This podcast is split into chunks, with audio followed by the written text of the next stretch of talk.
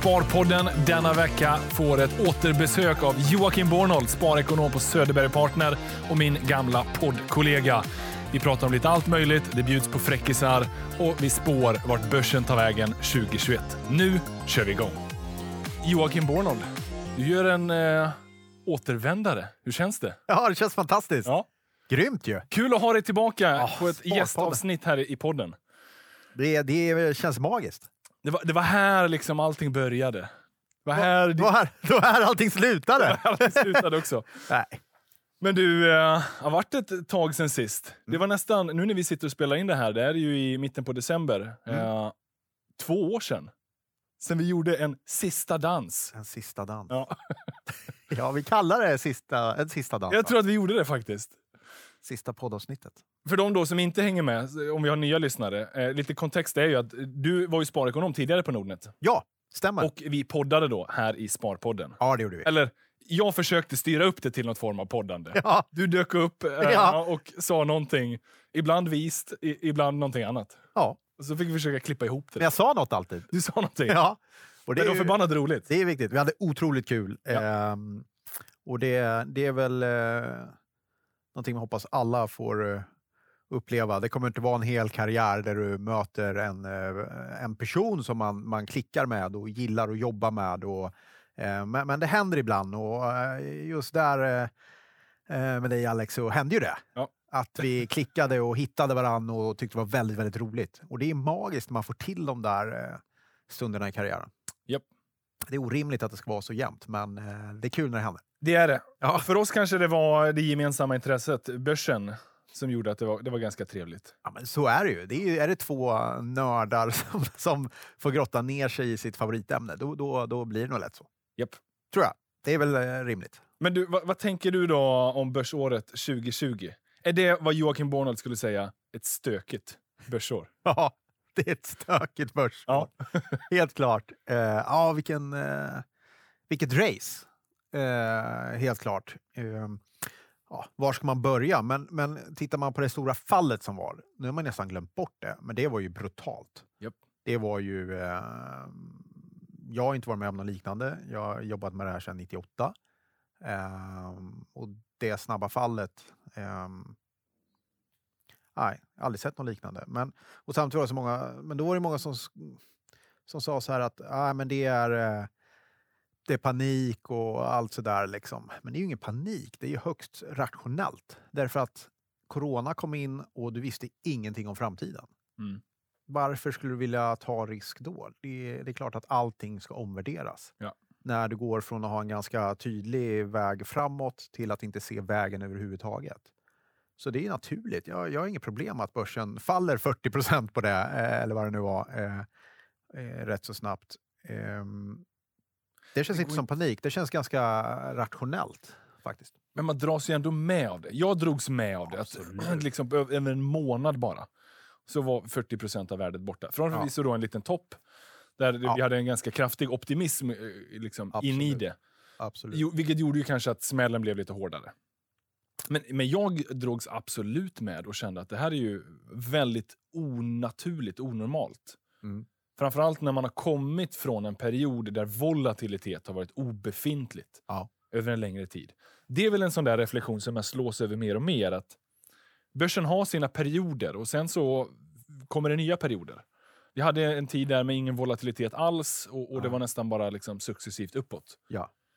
Till att plötsligt fick vi se hur börsen kunde röra sig 2% om dagen. Mm. Nästan varje dag. Ja. Så anpassar man sig till det och så Ja, tycker man det är ja. the new normal. Ja. Eh, nej, men så är det ju. Eh, och, men samtidigt den här uppgången däremot, ja, den kanske hade svårare och jag trodde inte den skulle vara så stark. Eh, jag trodde inte att den skulle gå så fort och den kanske jag själv brottas med mer än nedgången.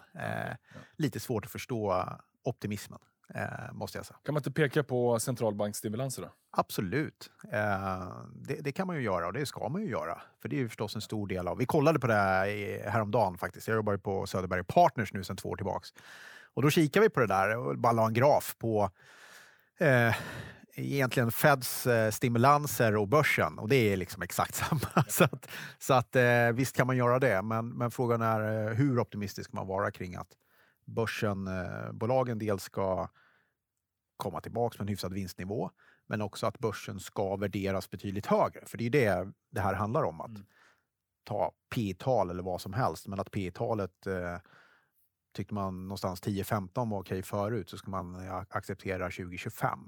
Eh, och det där är en, en, eh, det är en rätt stor eh, förändring i, i, Ja.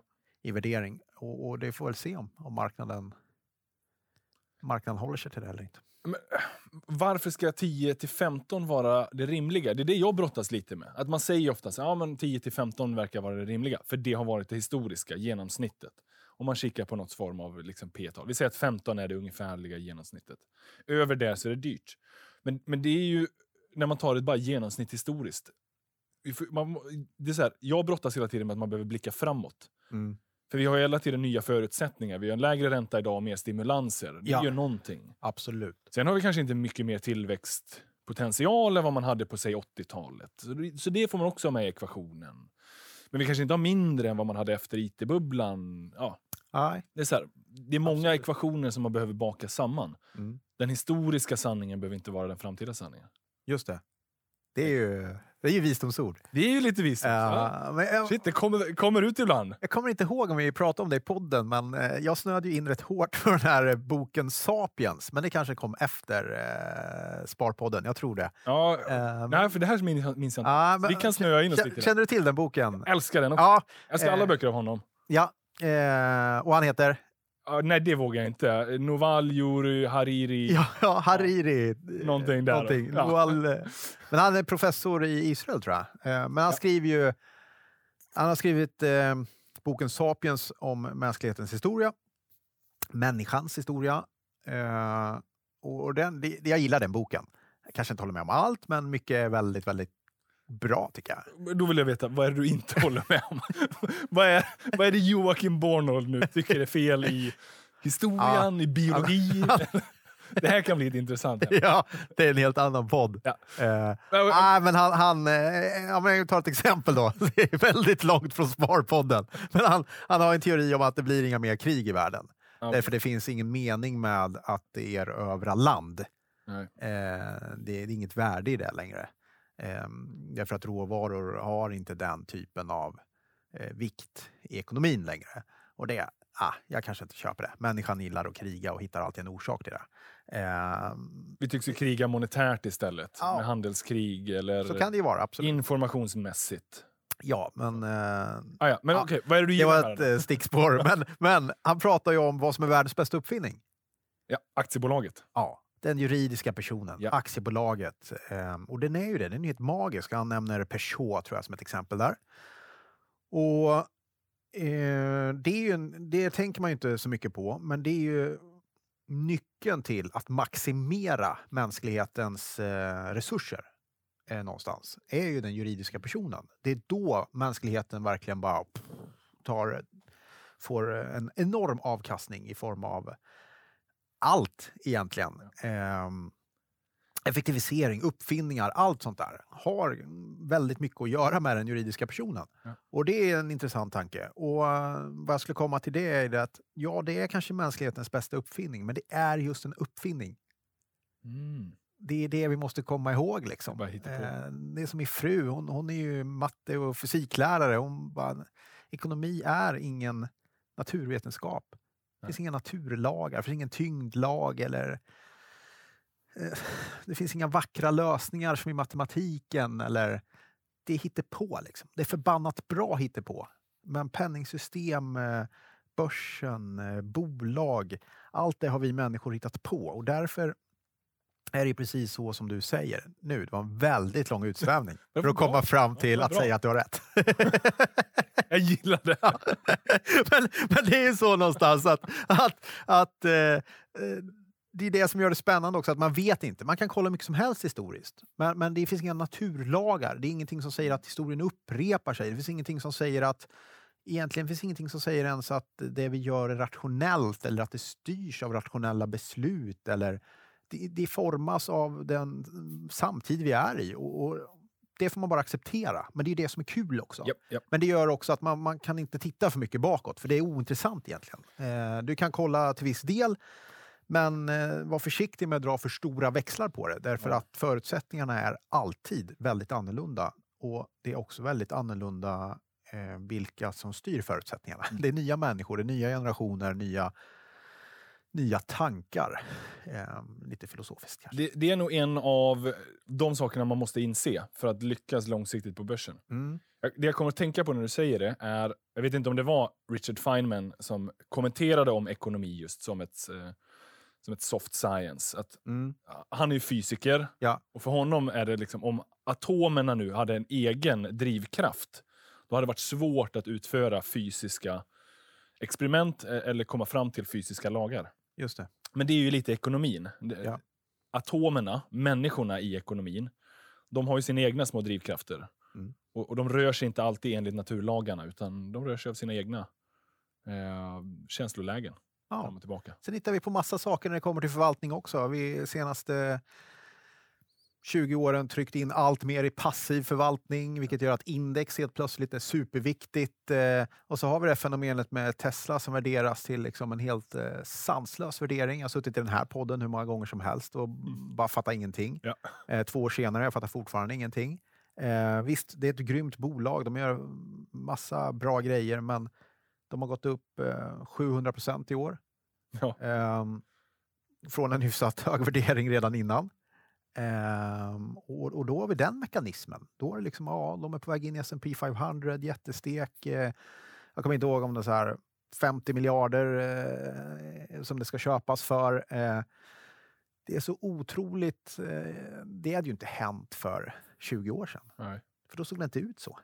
Och det kanske inte kommer hända om 20 år, för Nej, då är det någonting kanske- annat. Absolut. Man får bara anpassa sig. Vad tycker du om Nio då? Den andra elbilstillverkaren. Oj, Nio. Eh, de har gått jättebra på också va? Ja, typ. Eh, alltså, Tesla har ba- bara gått 800 procent. Nio har väl gått 1500 eller något. Ja, just det.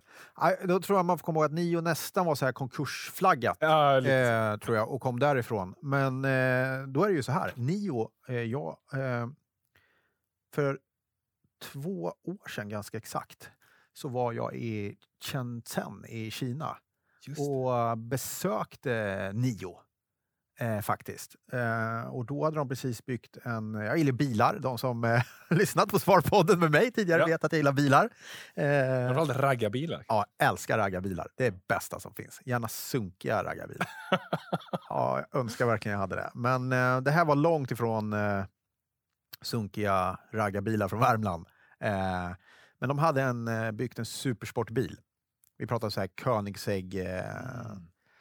Eh, så den eh, var vi och kollade på. Eh, Jag kommer inte ihåg vad den heter. Någonting med nio, Ja. antagligen. Eh, men då insåg jag, insåg jag att eh, eh, nej kineserna de, de är ju inte bara våra producenter, de utvecklar verkligen saker själva.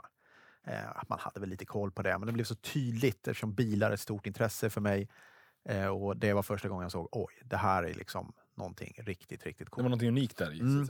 Det var väldigt unikt. Eh, och en, så här, en, en, inte en sportbil, inte en eh, supercar, utan en megacar eh, med så här, över tusen hästkrafter. Så den var supercool. Och då, så då besökte vi Nio där, eh, på ett kontor där. Och, det var första gången jag kom i kontakt med dem. Eh, så lite kul att se att det har tagit fart på börsen Och då också. köpte du en drös av aktier. ja, eller hur? du, vi ska inte gå in på dåliga affärer. Nej, det behöver inte jag. Nej, tack. Nej, men, eh, den insikten däremot tror jag fortfarande inte har trillat ner för alla. Jag kan inte säga att jag har ännu förstått, jag förstår det mer och mer, men, men vilken motor Kina är. Mm, Och vilken roll de spelar idag och kommer att spela framöver. absolut. Eh, alltså, det är ju det landet som kommer att ha en positiv ekonomisk tillväxt det här året. En, en av de få länderna.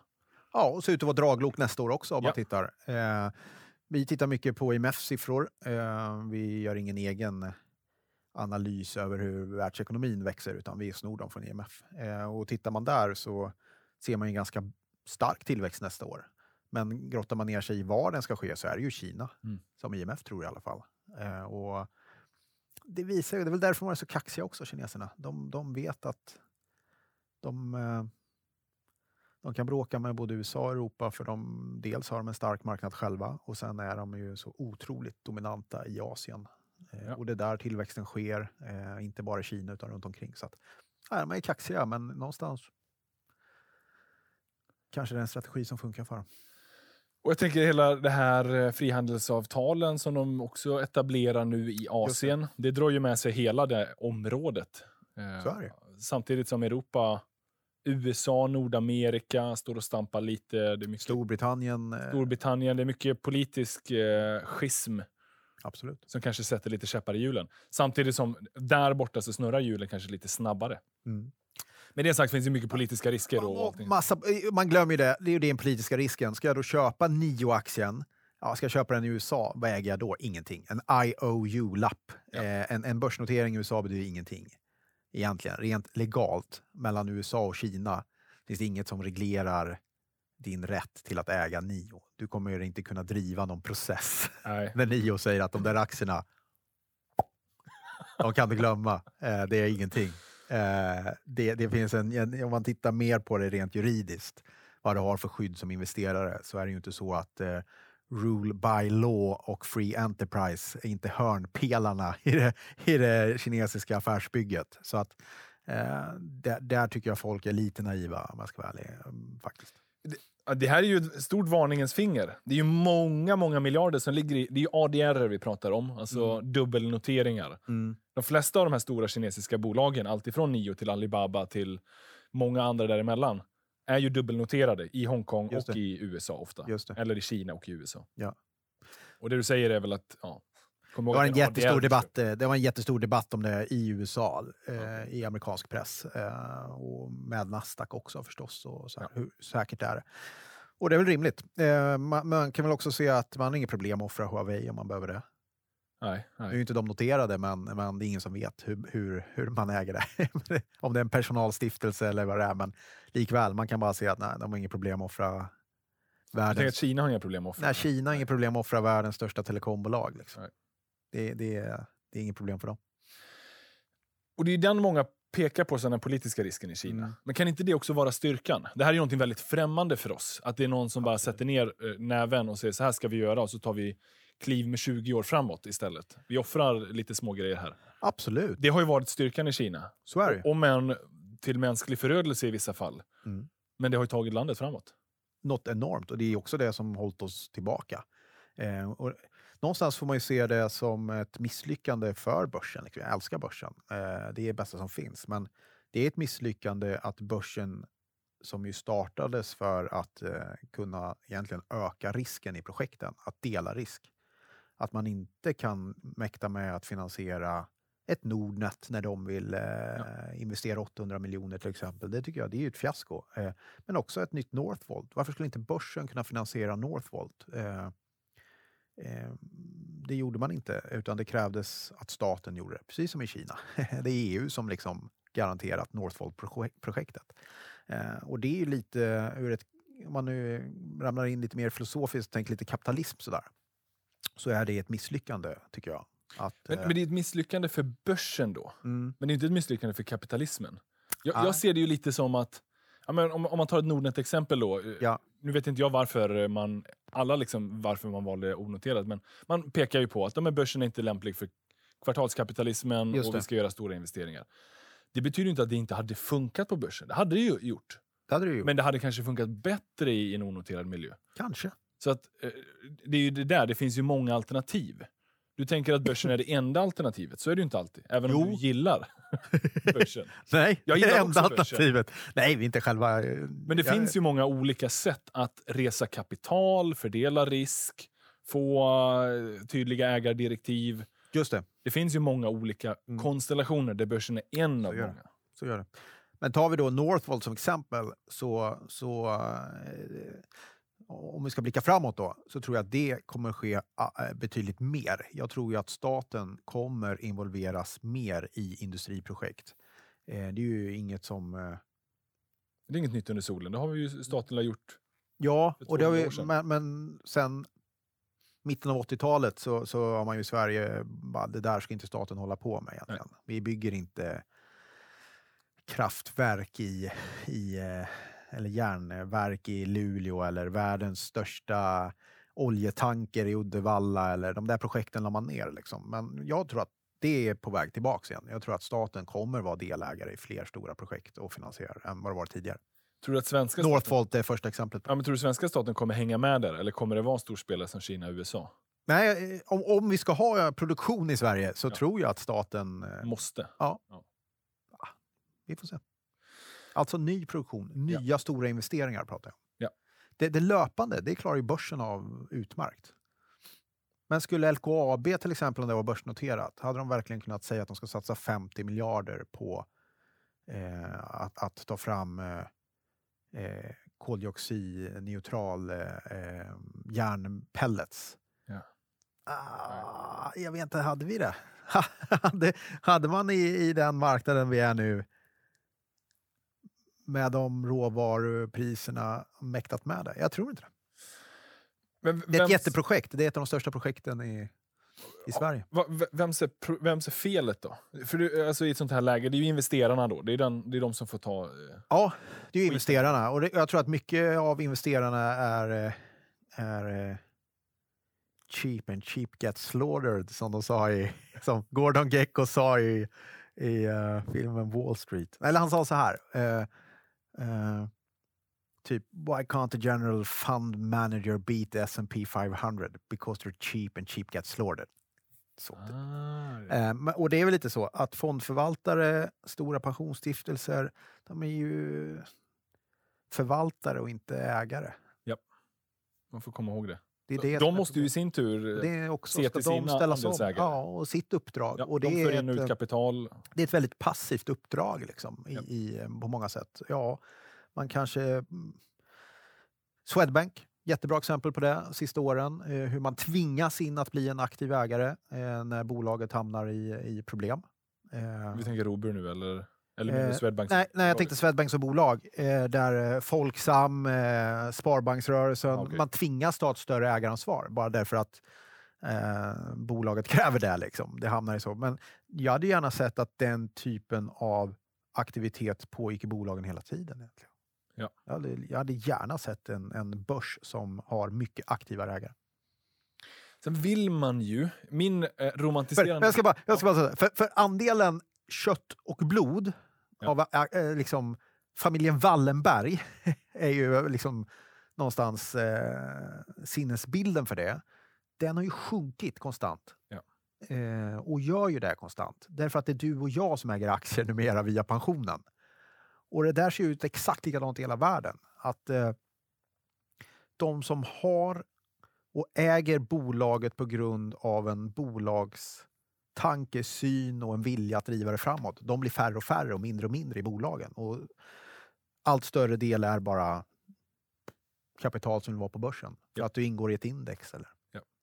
Det, det jag skulle komma till, det var ju min romantiserande bild av Ja. det här köttet och blodet. Det som är eh, ägare som vill någonting, Mm. som har, har framtidsambitioner. Den finns ju inte i storbolagen, för det är där index och passiv förvaltning föses in. Ja, Men, men gör inte det att de mindre bolagen har ännu bättre framtidsutsikter? För Jo. där har ju inte den passiva förvaltningen nått den. Ja. Dit går ju inte pensionskapitalet.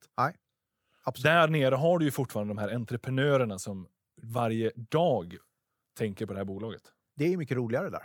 Det, Och det- jag är en storbolagskille. Jag gillar ju storbolag. Jag gillar eh, fabriker, jag gillar Ja. skogsföretag. Det är dags för och- dig att konvertera över Ja, små, eh, småbolagsreligionen. Eh, absolut. Eh, ja, men nu äger jag aktier i Söderberg Partners lite grann eh, och det är kul.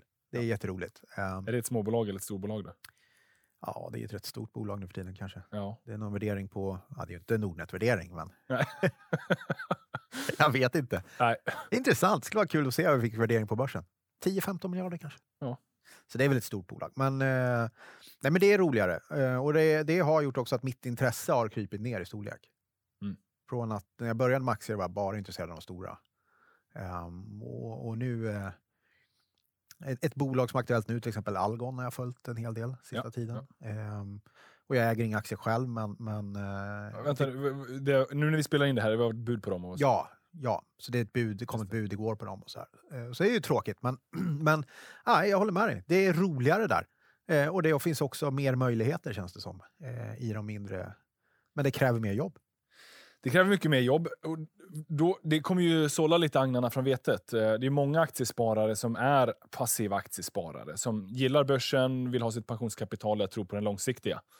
Men kanske inte riktigt vill göra det här aktiva arbetet och analysera, förstå bolagen, följa upp och, och liksom Nej. se hur processen går. Det är där småbolagsjakten börjar, för de som verkligen orkar lägga ner tiden och energin. Mm. Sen kanske ett sånt här år, 2020, när småbolagen har gynnats otroligt Mm. mycket, Mm. kanske att en del får lite väl mycket vatten på sin kvarn. Man får, Mm. man får nog vara lite ödmjuk att 100% Absolut. per år kanske man inte kan förvänta sig Nej, varje år. nej. Eh, Men, eh, men eh, det är ju kul om man kan hitta lite guldkorn. Absolut. Absolut. Men, men storbolagen då, du kollar ju fortfarande på dem. Ja. Volvo och ett Ericsson. Vad har de för framtidsförutsättningar? 80 procent av min tid är fortfarande storbolag. Liksom. Ja. eh, nej, men Ericsson, det är ju spännande. Jag, De tycks ju aldrig få liksom, kapitaliserat på de här Nej. megatrenderna. Nej. Och ska man ta någonting kring Ericsson, många äger ju Ericsson och, och jag har ju följt Ericsson länge och gör det fortfarande. Jag tycker det är jättekul med Ericsson, eh, för det är ett spännande, komplext bolag. Ska man säga någonting som man glömmer lite grann är ju att när de eh, säger att eh, 5G-marknaden kommer bli så här humongous, hur stor som helst, så har de ju helt rätt i det. Frågan är ju hur stor andel kommer de ha av det? Det låter som det är naturligt att bara för att de är störst i, i eh, på systemsidan för, för teleoperatörerna så kommer de bli störst i världen också på att bygga smånät till företagen och fabriker. Och Mm. Det är ju inte säkert. Liksom. Kollar man på det historiskt när Ericsson försöker gå ut och möta andra kunder än telebolagen, inte Telia och British Telecom och allt det här, då går det inget bra. Det är ju historiken, det kan man ju bara konstatera. Så att det, den har varit jättedålig den historiken. Och att de nu ska klara av att lyfta ut eh, 5G-tekniken och börja leverera ut till helt andra nya kundgrupper. Det kommer inte bli lätt. Nu har de köpt ett bolag i USA till exempel eh, här under året för, att- för att underlätta för det. Men att köpa försäljning, det är också dyrt och det är långt ifrån säkert att det är lyckosamt. Så att det är en bra chans, men det är en eh, den är, den är inte given. Det är ingen självklarhet att Ericsson blir stora där. De, kom, de är ju störst inom, inom, eh, på systemsidan. Eh, men, men där kan man också konstatera att det är inga marginaler. Det är ju inte, Nej, det är ju inte jättefett liksom. Trots att Huawei det är borta det- då. exakt. Så att ä- även om de har blivit utmanövrerade så får man ändå inte full Nej. Och då kan undra, vinstpotential. hur kommer det sig? Det är teknikskifte, alla vill väl ha 5G Ja. och eh, det- man blir av med värsta konkurrenten. Man borde ha enorma marginaler på det här. De har ju gått upp, men, men det är inte så här eh, superhett. Och då tror jag frågan är, eller svaret på det är att eh, kunderna vill inte beredda att betala helt Nej. enkelt. Det inte, Teknikkostnaderna har ju generellt sett gått ner. ja, Komponentkostnader och sånt där. Ja, och det är ju så här att kollar man Telia, det är inte så att, eh, eller eh, behöver vi 5G liksom? Så här? Nej, kanske inte så att kunderna står och skriker efter det. Det är inte så att man ser direkt, om vi hoppar från 4 till generation 5 så kommer jag kunna se på på tv eller det skiftet är ju 3 till 4. Där var det liksom dramatiskt. Där hände ju någonting verkligen med mobilerna och vi kunde använda den på ett helt nytt sätt där kanske man inte ser att man har att erbjuda det till kunden, samma hopp till 5G. Den är ju mer industrialiserande, pratar man ofta om. Ja, man pratar ju ofta om det och då blir det så här, ja, du får väl se dem. Då kanske man inte tycker det är så bråttom och framförallt är man inte beredd att ta och betala allt för mycket för det. Liksom. Så det som ska till för Ericsson tror jag, det är nog att det blir en riktig, att någon kommer på något riktigt bra man kan göra med 5G-mobiler och så blir det ett krav att alla ska ha det. Det. För då måste man investera i det. Men känns inte som vi är där just nu. Nej, det, det, nej, inte riktigt. Volvo sa du också. Volvo. Åh, hur, lång, hur länge får man prata? Det är egentligen med pick your brains är lite utdelning. Ja. Storbolagens eh, gameplay. Ja. utdelning. Och ett sånt här år som 2020, då blev det ingen utdelning eller Nej. väldigt låg. Va, vad tänker du om förutsättningarna för utdelning 2021? För ett Volvo som har fått statliga stöd. ja. Eh, De kommer ju få dela ut förstås. eh, Det är jag övertygad om. Eh, Jag är mer orolig för att risken är mycket pengar i kassan. Det är att folk får för sig att göra annat med det. Det, det är nog det jag känner är större oro. Ja. Och, och Volvo har väldigt mycket pengar i kassan. Eh, Så, Alltså dåliga investeringar, Ja. man ska börja köpa upp konkurrenter till... För det är väldigt mycket fart på den delen av Ja. finansindustrin just nu med både stora och små bolag som köps upp och, Japp. och säljs och noteras och avnoteras och allt vad det är. Så det är full snurr där. Så att det är väl lite så man tänker. Eh, ska, ska Volvo använda pengarna till bra eller dela ut dem? Eh, Men en spaning är då kanske att de här uppköpen och utköpen kanske kommer att fortsätta. det tror jag. Givet att nu kassorna är ganska fyllda i storbolagen och de inser att den organiska tillväxten för dem är ganska låg. Ja.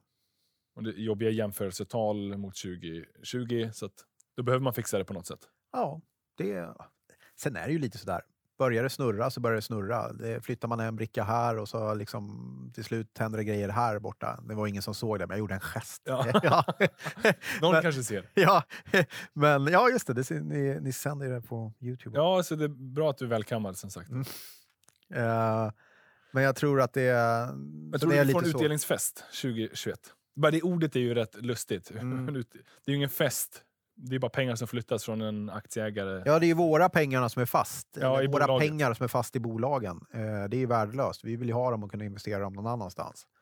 Så, så det, det hoppas jag. Eh, och det här är ju... Man ska inte svära, men det är ändå käpprätt åt helvete att Finansinspektionen säger att bankerna inte får dela ut. Eh, det får de göra. Finansinspektionen får göra det, men man ska göra det på rätt sätt. Jag tycker det är helt bedrövligt att man... man det är så här. Finansinspektionen ska ju reglera bankerna och se till att de har rätt buffertar. Mm. Det är liksom kapitalkrav. Men då vill man inte in och störa i kapitalkraven. Då vill man inte in och skruva i dem, utan då skickar man istället ut en eh, tjänsteman eh, i form av eh, Tidén som säger att Nej, vi tycker inte att bankerna ska dela ut. Vad då tycker inte? Möter de kraven eller inte? Eh, ja, det gör de. De möter kraven, de gör det gott och väl när vi stresstestar dem. Men vi tycker inte de ska dela ut. Hur ska man som bank tyda det? Att jag har hur mycket pengar som helst som jag kan dela ut. Men chefen på Finansinspektionen säger att han tycker jag inte ska göra det. Nu är inte han här kunna försvara sig, men är inte lite andemeningen att bankerna ska stötta ekonomin? De ska låna ut och allting Det är sånt. det som är andemeningen. Men Det funkar ju inte riktigt så enkelt. jag tycker ju så här, finansmarknaden ska inte styras av andemeningar. Nej. Det är det som är felet. Och att folk eh, kan tycka vad de vill, det gör jag också. Jag tycker massor med saker och tycker det är kul. Men, men Finansinspektionen sätter upp regelverket och ramverket och sen följer man det. Och är man inne och pillar för mycket i om folk delar ut pengar eller inte, då, då är man inne och rycker de här grundpelarna i, i demokratin som är just eh, free enterprise och ruled by law. Jag vet inte om man översätter det. Fri företagsamhet förstås. Eh, och Förhålla sig till lagarna. Ja, att alla behandlas lika, lika inför lagen säger vi i. Sverige. Det är kanske inte helt exakt, eh, men, men ungefär eh, översatt. Och, och det där, jag gillar inte det. Jag gillar inte man är inne och petar det. Då tycker han att de har för lite pengar i kassan. Ja, då får man höja buffertkraven. Då får man se till att bankerna helt enkelt har mer pengar i, i ladorna. Då ska man inte gå ut och säga att jag tycker inte det. För det är ju något hot i det. Ja. Eller hur? Det är ju så här, men om vi gör det, vad händer då? Ja, det är ju ingen som vågar pröva det. Nej, inte efter eh, 2019 och 2018, penningtvättsskandaler och, och allting sånt. Så det där att, att bankerna inte får dela ut pengar, ja det kan man ha åsikter om och det är säkert jag är säkert inte den... Eh... Det finns tusen människor i Sverige som har bättre koll på det än vad jag har. Eh, hur mycket man kan dela ut och inte. Men likväl så, så sättet det har blivit på under året tycker jag är väldigt, eh, det är inte bra. Och det märks ju också i värderingar på bankerna. Det märks också när man pratar med bankanalytikerna. Att det blir inte attraktivt att äga svenska banker, för det är ett mysterium. De är, väl, de är överkapitaliserade, men får inte dela ut pengar. Eller får, eh, eh, får och får. De, de, eh, en person säger att de tycker inte det är lämpligt. Och man vill inte gå emot det. Det är, det är ingen bra situation tycker jag. Hur, jag tycker det, hur utvärderar man Finansinspektionen sen då? Huruvida det var ett bra beslut eller inte? För det måste man ju göra. Det måste man ju göra förstås. Ehm, och och det, det, det landar ju väl på det politiska bordet då, Ja. att avgöra det. Ehm, men de gör mycket bra. Finansinspektionen är ju mycket bra också. Men här tycker jag man hamnar snett. Det är ju, man får väl också ge det lite att 2020 var ett år Nej. som tog oss med överraskning. Man visste inte, man visste inte hur, vilken effekt det här skulle få. Man, man liksom stänga ner länder. Nu valde Sverige en mycket mjukare strategi. Men ändå, man visste ju absolut inte vad det skulle kunna få för realekonomiska effekter. Så man valde nog det säkra för det osäkra. Mm. Sen kanske man då kan hoppas att vi kan vara snabbare på att liksom, eh, rucka tillbaka till Mm. normalläget. Men än Jag tror- krisen är över. Ja, men jag håller med dig. Eh, Men ett år generellt då Sverige styrdes av tjänstemän, Ja. skulle jag vilja säga. Och du säger det med, med en liten negativ underton. Man får tolka det hur man vill. Men jag vill bara... eh, 2020, coronans år, var året då Sverige styrdes av tjänstemän. vi skulle haft mer ägare av kött och blod. Ja, så är det. Absolut. Det är mycket ägare av kött och blod som har Det är, ingen som gör det, för, det är ingen som gör det av illvilja, liksom. det är inte det. Men, men man, måste ha, man måste ha en spelplan med spelregler som, som är tydliga eh, och som inte ruckas på. Och, eh, där är vi inte riktigt just nu, tycker jag. Nej. Vi får se om 2021 eh, är ett år som ger oss lite mer klarhet. 2021 kommer bli magiskt, jag känner det på mig. Eh, Ge mig dina bästa spåtips inför året, decenniet. Du kan få välja valfritt. Jocke Bornold väljer att lämna Sparpodden, Sparpodden och dyker upp eh, varje vecka. Det är en sak. Eh, nej. Nej. Eh, eh, 2021, eh, spåtips. ehm, När du kollar in i din börsspåkula. ja, men börs, det är, jag har en fråga just nu jag ska svara på till Omni Ekonomi och det är så här, hur går börsen 2021? Ja, det är omöjligt. Jag för mig att du alltid hända. brukar säga 10 procent. Ja, det kan hända precis vad som helst ju. Eh, så jag säger väl, eh, börsen går ner 5 procent. Eh, Jaha. ja, Ja, det ser man. vi, vi kommer ha... Det är alltid väldigt Ja. konstigt att gissa på sånt, för det är ju en gissningslek. Ja, jag hoppas inte någon tar det någonsin är på allvar. en sån på allvar. Det är omöjligt att veta. Men Ja. om man säger så här, vad är förutsättningarna då? Ja, vaccin, bra.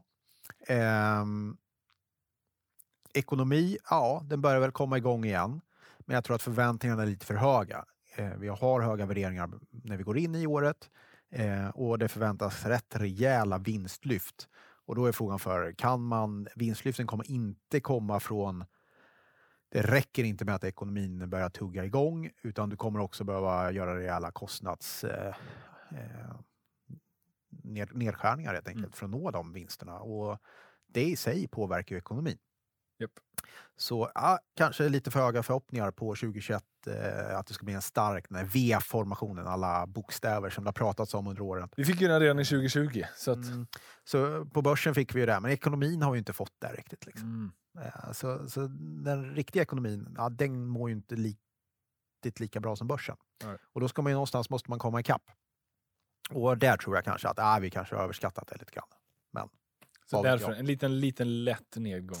ja, ja, men det kan ju vara så här, två dåliga dagar, slutet av året. Så, Ja, så är ja. man där. Det, ja, jag vet inte, det är lite Det, tramsigt. det är en svår gissningslek, Ja. men det var ändå kul att du bjöd på det. Joakim. Ja, men det måste man, eh, det måste man ha. Det var eh, kul att du kom tillbaka till Sparpodden och bjöd på ytterligare en dans. ja. Och många gånger vi varit ute i landet och, Och dansat. och, dansat och, och poddat. Det har Ja, varit kul. Ja, absolut. Eh, Kul att få ett gästspel av. Jätteroligt att eh, det är, så- jättekul att det är så många som lyssnar fortfarande. Ja, Superroligt. Härligt att ni hänger kvar med Alex och, och Frida och gäster och allt vad det är. Jättekul. ja, det uppskattar jag jättemycket. Och eh, det fortsätter vi ett tag till. Se när vi får dansa igen Joakim. Ja, ja. Men du, eh, kul att ha dig här. Kul att se att du mår bra. ja, Fortsätt gärna göra det, så ses vi framöver. det gör vi. Ha det gott allihop. Ciao!